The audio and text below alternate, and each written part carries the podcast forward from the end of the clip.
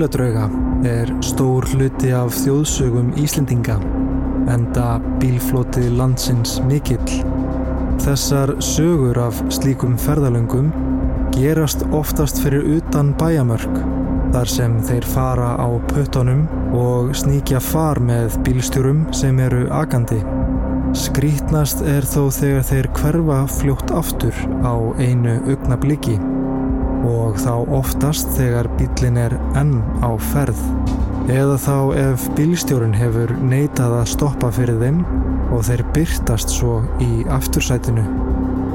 Góðir hlustundur, ég heiti Fjölnir Gíslason og þið eruð að hlusta á Drauga Varpið.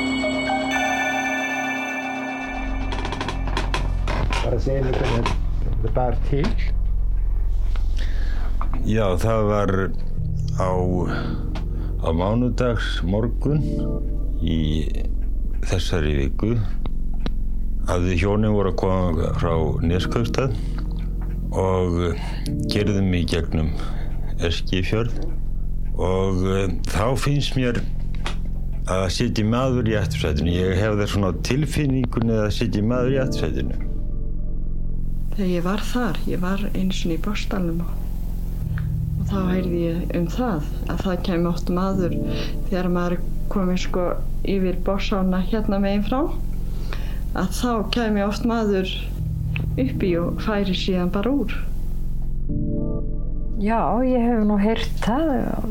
Ég þekki mann sem á heima hér á Akræsi að það dó kona í bílhjónum bara bráðkvöld og hann sá að það var verfið hann og eftir í bílnum.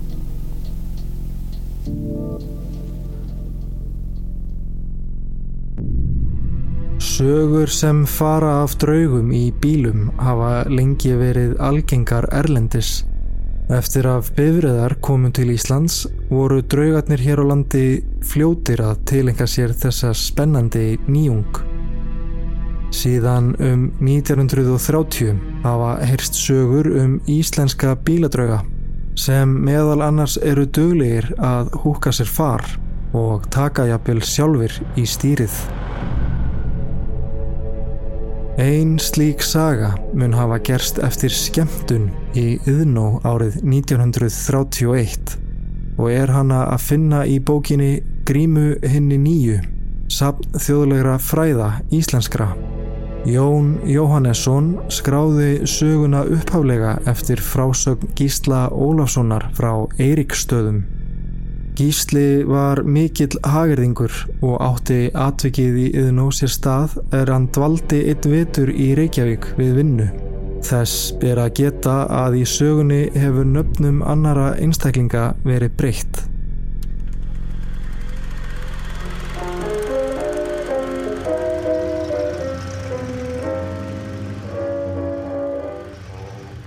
Veturinn 1931 dvaldi ég í Reykjavík. Vann ég að því að skrásetja og hreinritaða nokkuru allmikið sapn af ljóðum og lausavísum eftir ymsa höfunda fyrir einn af kunningi mínum þar sem sapnar miklu af slíku tægi. Ég var einn míns liðs því fjölskylda mín dvaldi norður á Sauðárkróki þar sem hefði eiginlega heimili okkar var. Ég kom alloft þennan vetur í húsreitt á hverfiskötunni og kynntist ég þar konu eitti, giftri, er Sofía hétt. Hún var kona rúmlega þrítugað aldri, myndarlegi sjón, greind vel, glaðvær og skemmtileg. Þar kynntist ég einnig annari stúlku, ástuðanabni, sem var vinkona Sofíu og kom oft til hennar. Ásta átti heim á skólafurustíknum og minnir mig að hún hafi verið ekja. Ásta var einnig glaðlind og greind. Hún kom mjög oft til Sofíu og voru þar miklar vinkonur. Það var nú kvöld eitt um veturinn að ég var á leið inn hverfiskutuna og þegar ég kom til móts við hús það sem Sofía átti heima í, hittist svo á að þær Sofía og Ásta komu þar út úr portinu. Þær heilsuði mér gladlega að vanda voru hennar kátustu. Veistu það gísli að það er auglist ball og gömlu dansarnir í yðn og í kvöld? Þú ætti nú að bjóða okkur þanga. Ég tók þessu fjarrri í fyrstu, en þær höfðu gaman af að stríða mér á því að ég týndi því ekki. Ég bauð þeim að láta þær fá auðra fyrir aðgöngum í það, en slíkt sögðust þær ekki taka í mál. Ég yrði að koma með þeim. Ég hafði ekkit viðbundið þetta kvöld, svo það varð úr að ég let undan nöyði þeirra. Gengum við svo öll niður í yðnum. Ég kefti aðgöngum með að handa okkur og dönsuðum við svo fram eftir kvöldinu og skemmtum okkur vel. Að áliðinu kvöldi hættum við dansinum, tókum yfirhafnirnar okkar og fórum út í þeim vændum að halda heim til okkar. Þá var komin rókstormur og úrhellisregning. Ég sagði við stúlkunnar að ég yrði að reyna að ná í bíl til að akka okkur heim því annars yrðu við öll hold vot. Þær færðust undan því og sagðu að ég væri búin að eða nóg og ekki bættist bílagstur við. Ég held þó fast við mitt og fór að sveipast um eftir bíl. Þarna stóðu nokkri bílar sem byðu eftir fólki af dansleiknum. Meðal þeirra var einn gljósbrútn á lit og stóðan lítið eitt til hliðar. Ég gekk að bíl þessum og stúlkunnar komu á eftir mér. Bílstjórin satt inn í bílnum. Það var ungur maður og myndarlegur. Var hann stökklættur í kvítri eða mjög ljósri skirtu. Og veitti ég því eftirtækt að í skirtuermunum voru stórir, kúlulagaðir víravirkisnappar úr silfri. Sérkennilegir nokkuð. Ég draf fingrum á bílrúðuna og vatt bílstjórin hana þegar niður. Ég spurði hann hvort hann geti ekið okkur heim og játaði hann því. Í þessu kom Sofía þarna að. Nei, Steini, ert það þú? Það var í senn bæði undrun og gleði í röddinni. Já, sagði bílstjórin. Og ert þetta þú, Sofía? En hvað er langt síðan við höfum sérst? Jú, ég held ég ekki þér heim. Komdun í bílinn. Þú situr hérna í framsætunni hjá mér. Sofía settist svo inn hjá bílstjóranum og við ásta í aftursætið. Hvar áttur heima nú? spurði hann og Sofía sagði hennu það og ók hann þegar af stað inn hverfiskotuna. Við töluðust hljótt við á litlu stund sem það tók að aka þangað. Þau virtust vera velkunnug og mjög ánægð yfir því að fundum þeirra hefði borið saman þarna óvart. En leiðin var stutt inn hverfiskotuna og fyrir en varði vorum við komin að heimili Sofíu. Þú kemur nú líklega inn, Steini, og drekkur kaffisopa með okkur. Nei, sagði hann og hvaðst ekki mega vera að því. Svo þyrti henn líka að koma okkur ástu heim til okkar. Sofía vildi greiðunum aksturinn en við það var ekki komandi. Við kvöttum Sofíu baðun okkur ástu að koma daginn eftir og drekka hjá sér kaffi og bílstjóran baðun endilega heimsækja sig bráðlega. Tók hann vel í það þegar hann hefði tíma til þess. Þegar bílstjórin og við höfðum hvart Sofíu spurðan hvert hann ætti að aka. Ásta gaf hann upp heimilisfangsitt og ók hann þangað. Hún vildi einnig borgunum aksturinn en bílstjórin vildi ekki taka við greiðslu. Hvert á ég nú að aka þér? spurðan mig eftir ásta hafði kvart okkur. Ég gaf honum upp heimilisfang mitt en það var uppi á njarðargötu. Ég er ekki vissum að ég muni nú hvar þetta er, saði bílstjórin. Hann virtist hugsa sig um andartak og sagði svo, jú, nú mann ég hvar það er. Og síðan ók hann á stað upp eftir. En hann staðnættist lítið eitt neðar í götunni en ég átti heima. Er það ekki hér sem þú býrð? sagði hann. Ég sagði hann að ég ætti heima tveimur húsum innar í götunni og bent honum á húsið. Það var líkt og hann híkaði ofur lítið. Og svo sagði hann, ég er bara aðtóa hvort ég geti snúið við hérna en ég er bara niður á næstu götu. Svo ók hann heimað bústað mínu. Ég tók upp penning og ætlaði að greiða honum fyrir aksturinn en hann vildi ekki taka við borgun. Ég kvatt hann svo og þakkaði fyrir aksturinn og hann óg burtu og hvarf mér út í næturmyrkrið. Það var orðið það áliði kvöldsins að fólkið í húsinu var haldað. En ringdi óhemju mikið og stormurinn geisaði um auðar gödunar. Ég flýtti mér inn, klætti mig úr kápunni í forstofunni, hingdi hann á snaga og let þar eftir skólífarnar. Svo fór ég upp í herbyggi mitt og háttaði. Ég sopnaði strax og svaf vært til morguns. Um morgunin þegar ég var komin á fætur hitti ég húsráðanda. Hann fór að spauga við mig eins og hann gerði oft um það að væri ekki fallegt lag á mér að kom ekki fyrir en það væri komið fram á nótt. Eða varstu kannski með einhverju stúlkunni í gerkvöldi? Já, svaraði ég og heldur tveimur en einni. Varst ekki votur? Önnur eins óskop og ringdi í gerkvöldi, spurði hann. Ég sagði hann um að ég hefði látið aka mig heim á bíl. Hann furðaði sig á því að hann hefði ekki heyrt í bílnum. Hvaða bíl kom með þig? Ég sagði hann um að það hefði verið ljósbrún drossja frá bílastöð sem ég nafngreindi og að bílstjórn hefði verið kallaði Steini, líklega heiti Þorstein. Húsráðundu minn hafði um mörg ár haft atvinnu við bensín útsölu í Reykjavík og þekkti því alla bílstjóra, eða flesta þeirra. Hann segir nú, ég þekki nú alla bílstjórana í bílastöðinu sem hún nefndir, en það er enginn þar sem heitir Steini. En hjá Steindóri er einn, kallaði Steini, ég mann heldur ekki eftir ljósbrúnum bíl á bílastöðinu sem hún nefndir. Varstu nokkuð undir áhrifum víns svo þetta hafi rugglast í þér? Ég sagði hann um að ég hefði ekki bræðað áfengi í marga daga og það var satt. Við skildum svo. Ég tók kápuna mína á skóhlífarnar í forstofunni. Kápan var alveg þurr og skóhlífarnar hreinar. Síðari hluta dagsins fór ég í kaffið til Sofíu. Ásta var þar fyrir. Þær tóku mér gladlega að vanda og Sofía fór strax að leggja á borðið. Meðan hún var að því, sagði hún við mig. Þú fórst laglega að ráðið innu gísli í gerðkveldi við okkur ástu. Nú, hvernig þá? svaraði ég. Að hlaupa frá okkur niður við yðnó í helli regningunni. Þú varst allt í hennu horfin og við stóðum þarna eftir í óveðrinu og heldum að þú var að ná í bíl eins og þú talaður um. En svo komst aldrei aftur. Og við neytumst til að ganga heim. Komum heim hraktar og holdvotar. Nú, hvað gengur eiginlega að ykkur báðum? Eru þið alveg miður ykkar? Eða eru þið búin að gleyma því að okkur var öllum ekkið heim á bíl? Ljós brúnum frá bílastöðinni? Og nefndi ég nafnstöðvarinnar. Uh, ég fer nú að halda það sérst þú gísli minn sem ertu ekki með sjálfum þér. Fötin okkar sína sig því að þau er ekki orðin þurr enn. Ég lísti nú bæði bílnum og bílstjórnum eins vel og ég gat og bætti svo við. Og þú, Sofía, sem þekktir hann svo vel og nefndir hann alltaf steina. Þú sast hann í framsætunni hjá honum en ástæði aftursætunni hjá mér.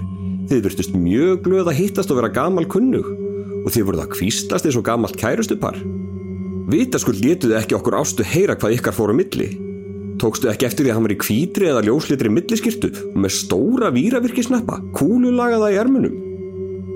Sofía hafði held kaffinu í bollana og við sátum yfir því, en við vorum ekki byrjuð að drekka það. Þegar ég nefndi víravirkisnappana, hallaði hann sér fram á borðið og brast í sáran grát.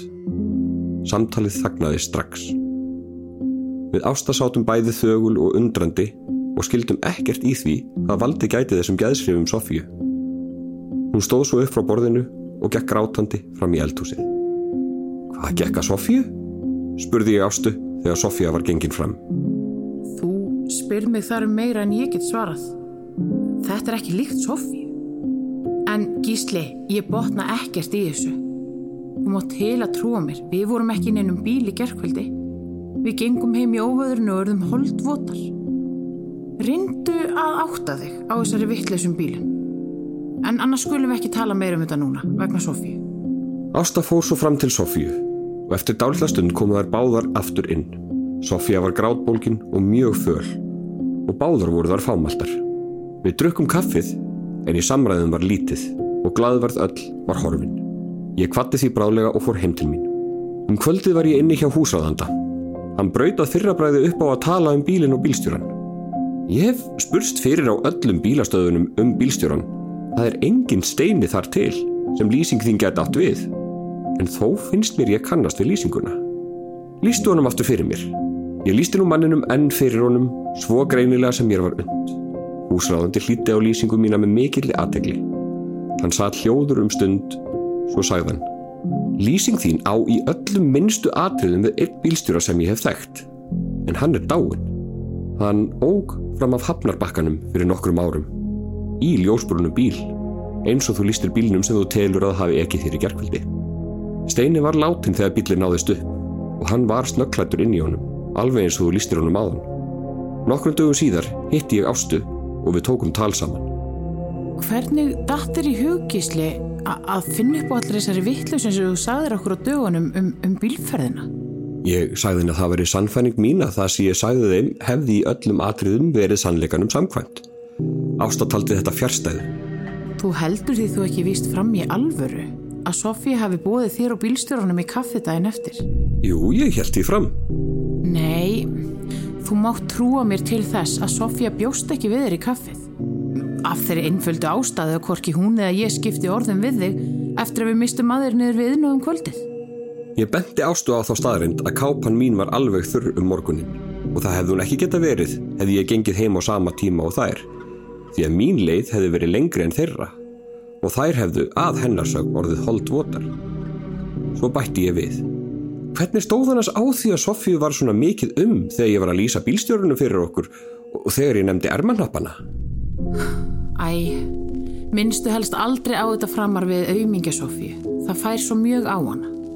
Það yfir upp gamalt illa gróið sár. Áður en hún giftist var hún trúróðu pildi sem var kallaði Steini og hún hafi gefið honum hnappa eins og þú lístir skömmu áður en hann dó. Hvernig dó hann? Hann druknaði hérna í höfnunni. Hann var bílstjóri og hann, hann óg fram af hafnabakkanum. Napparnir sem Sofía hafi gefið honum voru í skýrtuörmanum hans þegar líkans náðist upp með bílnum.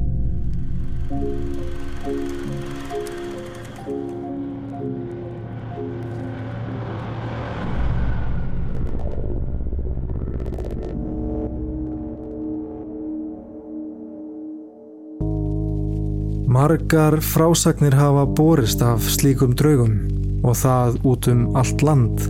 Þó sá frægasti hér á landi á sér mikla uppbruna sögu og ber hann nafnið Voga draugurinn. Á stóru vogum í Gullbringu síslu bjó eitt sinn bundi. Það var á köldum höstegi. Mísjaft hafði verið í veðri þegar ferðamadurinn kom að bænum. Kaldur og svangur. Af einhverji ástæðu ákvað búndin að neyta honum hýsingu.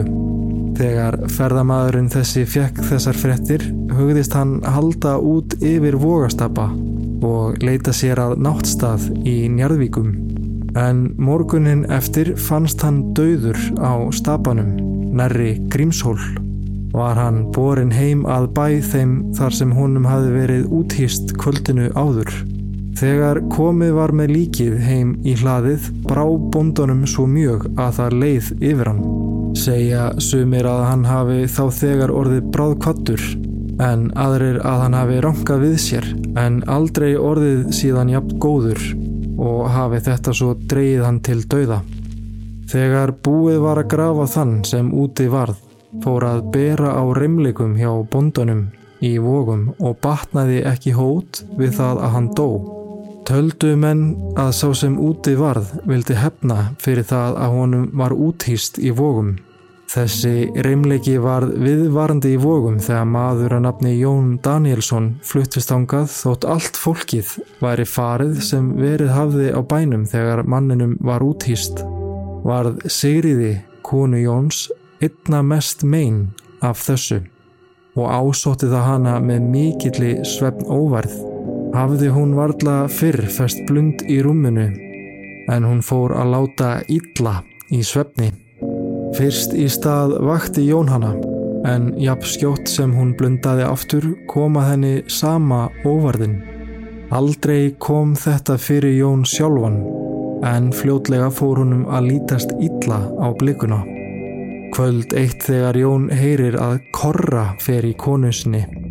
Ríkur hann á fætur, fer fram úr og tekur nýf í hönd sér og segir ef djöfullin sá láti sig ekki í friði og alla sína skuli hann reka í hann hnípnum og vísar honum til fjandans. Eftir það hætti reymleikin hjá Jóni og Sigriði en þegar reymleikin kvarf frá vógum fór hann að gera vart við sig í tjarnakoti í vógakvarfi. Sótti draugurinn engum á bondan þar og það svo mjög að hann varð bókstarlega óður eina nóttina. Var þá sendt heim að vógum eftir Jóni og kom hann von bráðar.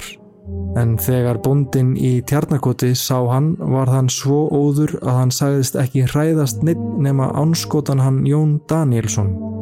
Gekk þá Jón að manninum og segist munu neyta þess að hann sé hrettur við sig og skipar hinn um illa anda út úr manninum með mikilli alvöru. En þá brá svo við að maðurinn fekk varð og datt í dá. Jón gekk svo út og fyldi hinnum óhreina anda burt frá bænum í tjarnarkoti og þangað sem eitt sinn var sjóbúð sem nefnd var Tuðra. Þar kom hann honum fyrir og bað hann að sökva niður til hins neðsta og versta helvítis þaðan sem hann væri komin og gera aldrei framar megin af sér í vógum. Við þessi ummali Jóns hvarf reymleikin svo að kvorki bondunum í tjarnarkoti nýja öðrum varð framar mynd af. Upp frá því segir ekki mikið af þessum ógæfu sama ferðamanni nema að ekki þótti alltaf allt með feldu við gamla stapavegin. Á setni tímum hafa svo komið til aðrar draugasögur sem tengjast agveginum við vogastapa. Sangvæmt þeim er þar á kreiki bíladraugur. Eftir lýsingum að dæma stendur hann við vegabrúnina og sest inn hjá þeim sem af góðmennsku sinni bjóða honum far. Hins vegar lætur hann ekkert upp um það hvert hann ætlar og þeir þunnu hljóði. Eftir nokkra stund er hann svo horfin eins og hann hafi gufað upp. Önnur saga er svo að rétt við vogastapa hreinlega byrtist tveir menn í aftursætum bíla. Seti þar stuttastund í friði og spekt en hverfi svo jafn undarlega og þeir byrtust. Í dag er þessi draugur betur þekktur sem stapa draugurinn. Í árana rás hafa ymsir haft af honum kynni. Meðal þeirra var Ingimundur Ólafsson, vörubílstjóri úr Hafnaferði. Það hefur sennilega verið haustið 1927. Hann var þá í fiskflutningum millir Grindavíkur og Hafnafjörðar og var á heimleið um kvöld eitt þegar hann sá mann á ferli austan við Grindavíkur veginn. Var maður þessi tötralega klættur, berhöfðaður og með mikið úfið hár. Ingimundur stöðar bílsinn og kallar til mannsins og spyr hann hvort hann vilji ekki verða samferða ef hann sé langt að fara. Opnar hann um leið hurðina og býður manninum inn. Hinn svarar engu en sest inn í bílinn og gefur með því til kynna að hann þekkjast bóðið. Í fyrstu reyndi Ingemundur að halda upp í samræðum við farþegarsinn en hann svaraði engu og að því ógu þeir þegjandi um hríð eða þar til bílstjórin segir Lítu nú fyrir mig aftur með bílnum og aðtöguðu hvort þú sjáur ekki bíla á eftir okkur en nokkrir vörubílar af stór Reykjavíkur svæðinu voru í samskonar flutningum og var vonað þeim fleirum úr þessari áttinni. Farþegin svarar engu frekar en áður en þrýfur nú með annari hendi í luppan og réttir höfuðið eitt og sér út um klukkan. Ingi myndi verður svo hverft við að hann þorir ekki að líta í áttilfarþegans meir fyrir en þeir komu í voga en þá satt engin við hlið hans. Skildi hann þá hverskins var og að farþegi hans myndi ekki hafa átt leið nema um stapan. Lámt er síðan þetta gerðist og minna og nánast ekkert verður vart við stapadrögin eftir að nýja Reykjanesbröðin var lögð. En helst telja menn að hann geti þá verið á ferli um miðnættur leitið við vegamót gamla Grindavíkuvegarins og haldi á höfðinu undir hendinni.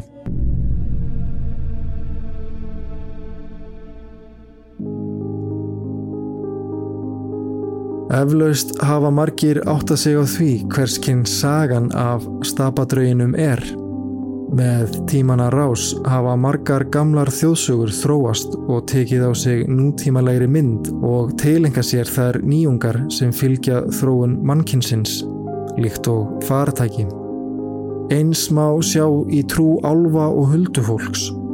Þótt trúin hefur lítið þróast þá hafa álvar og huldufólk þróast með mannkininu Sumir vilja jafnvel meina að þeir nýti sér svipaða nútímalega ferðamáta og mannfólki gerir í dag.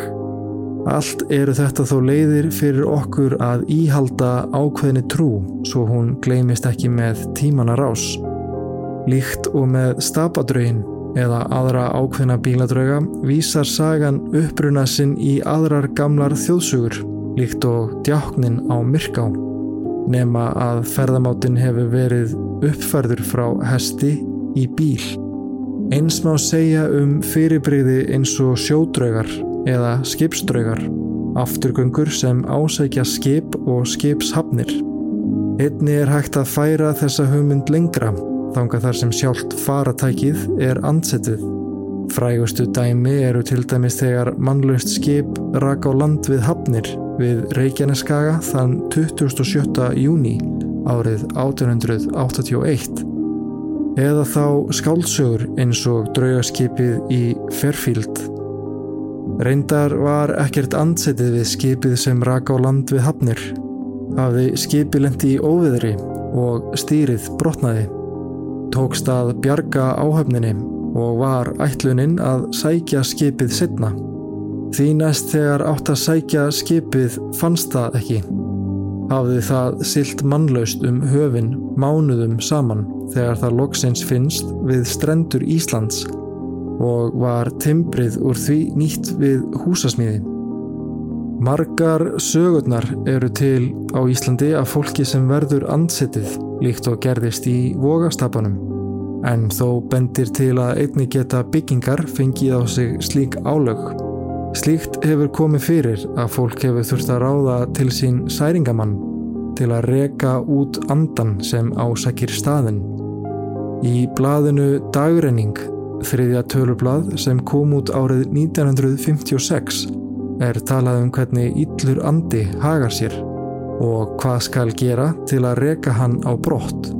Einnig stendur í blaðinu að það telji sér sjálf trú um að slík þjónusta sé ósveikinn. Í dag er talað um húsblessun og eru prestar oft fengnir til að blessa bæði ný og gömul hús en einnig er húsblessunin nýtt ef fólk finnur fyrir óútskýranlegri og óþægilegri nervuru heima hjá sér. Trúin á ansetningar kemur fram í mörgum fornum heimildum um menningu mannkinsins og í langflestum trúabröðum er að finna minni sem lýsa ansetningum. Þekkt er að tíðni myndra ansetninga getur sveiplast eftir tískuströmmum Nokkur uppgangur varð í trú á ansetningar með vinseldum spiritismans á 19. öld og merkjanleg aukning varð í særingaratöfnum á setni hluta 20. aldar. Ímsir sjúkdómar og sálfræðileg megin sem hafa áhrif á hugsun, hegðun, reyfingar og skapferli til skemmri eða lengri tíma eru líklegt til að hafa verið útskýrð á þennan hátt. Særingar aðtapnir eiga hins vegar ekkert erindi inn í 2001. öldina nema í skáldsögum og bíómyndum. Maður héttu? Draugarnir, eitt hétt stapadraugur. Og ég náðan sem rætti með að hafa nú bara eitthvað verið til í því því hann bróði mig lendi í því einu sinni. Hann var að koma úr Keflavík á ferð og hann sagðist alltaf að hafa heyrt eitthvað á eftir sér neður allar stapan hvort það veri hérslótturna eða hvað sagði ég við hann. Já, hann sagði samt að ekki hafa kunnað með það. Mm. nei, en þegar hann kom neyra á stapan þó garda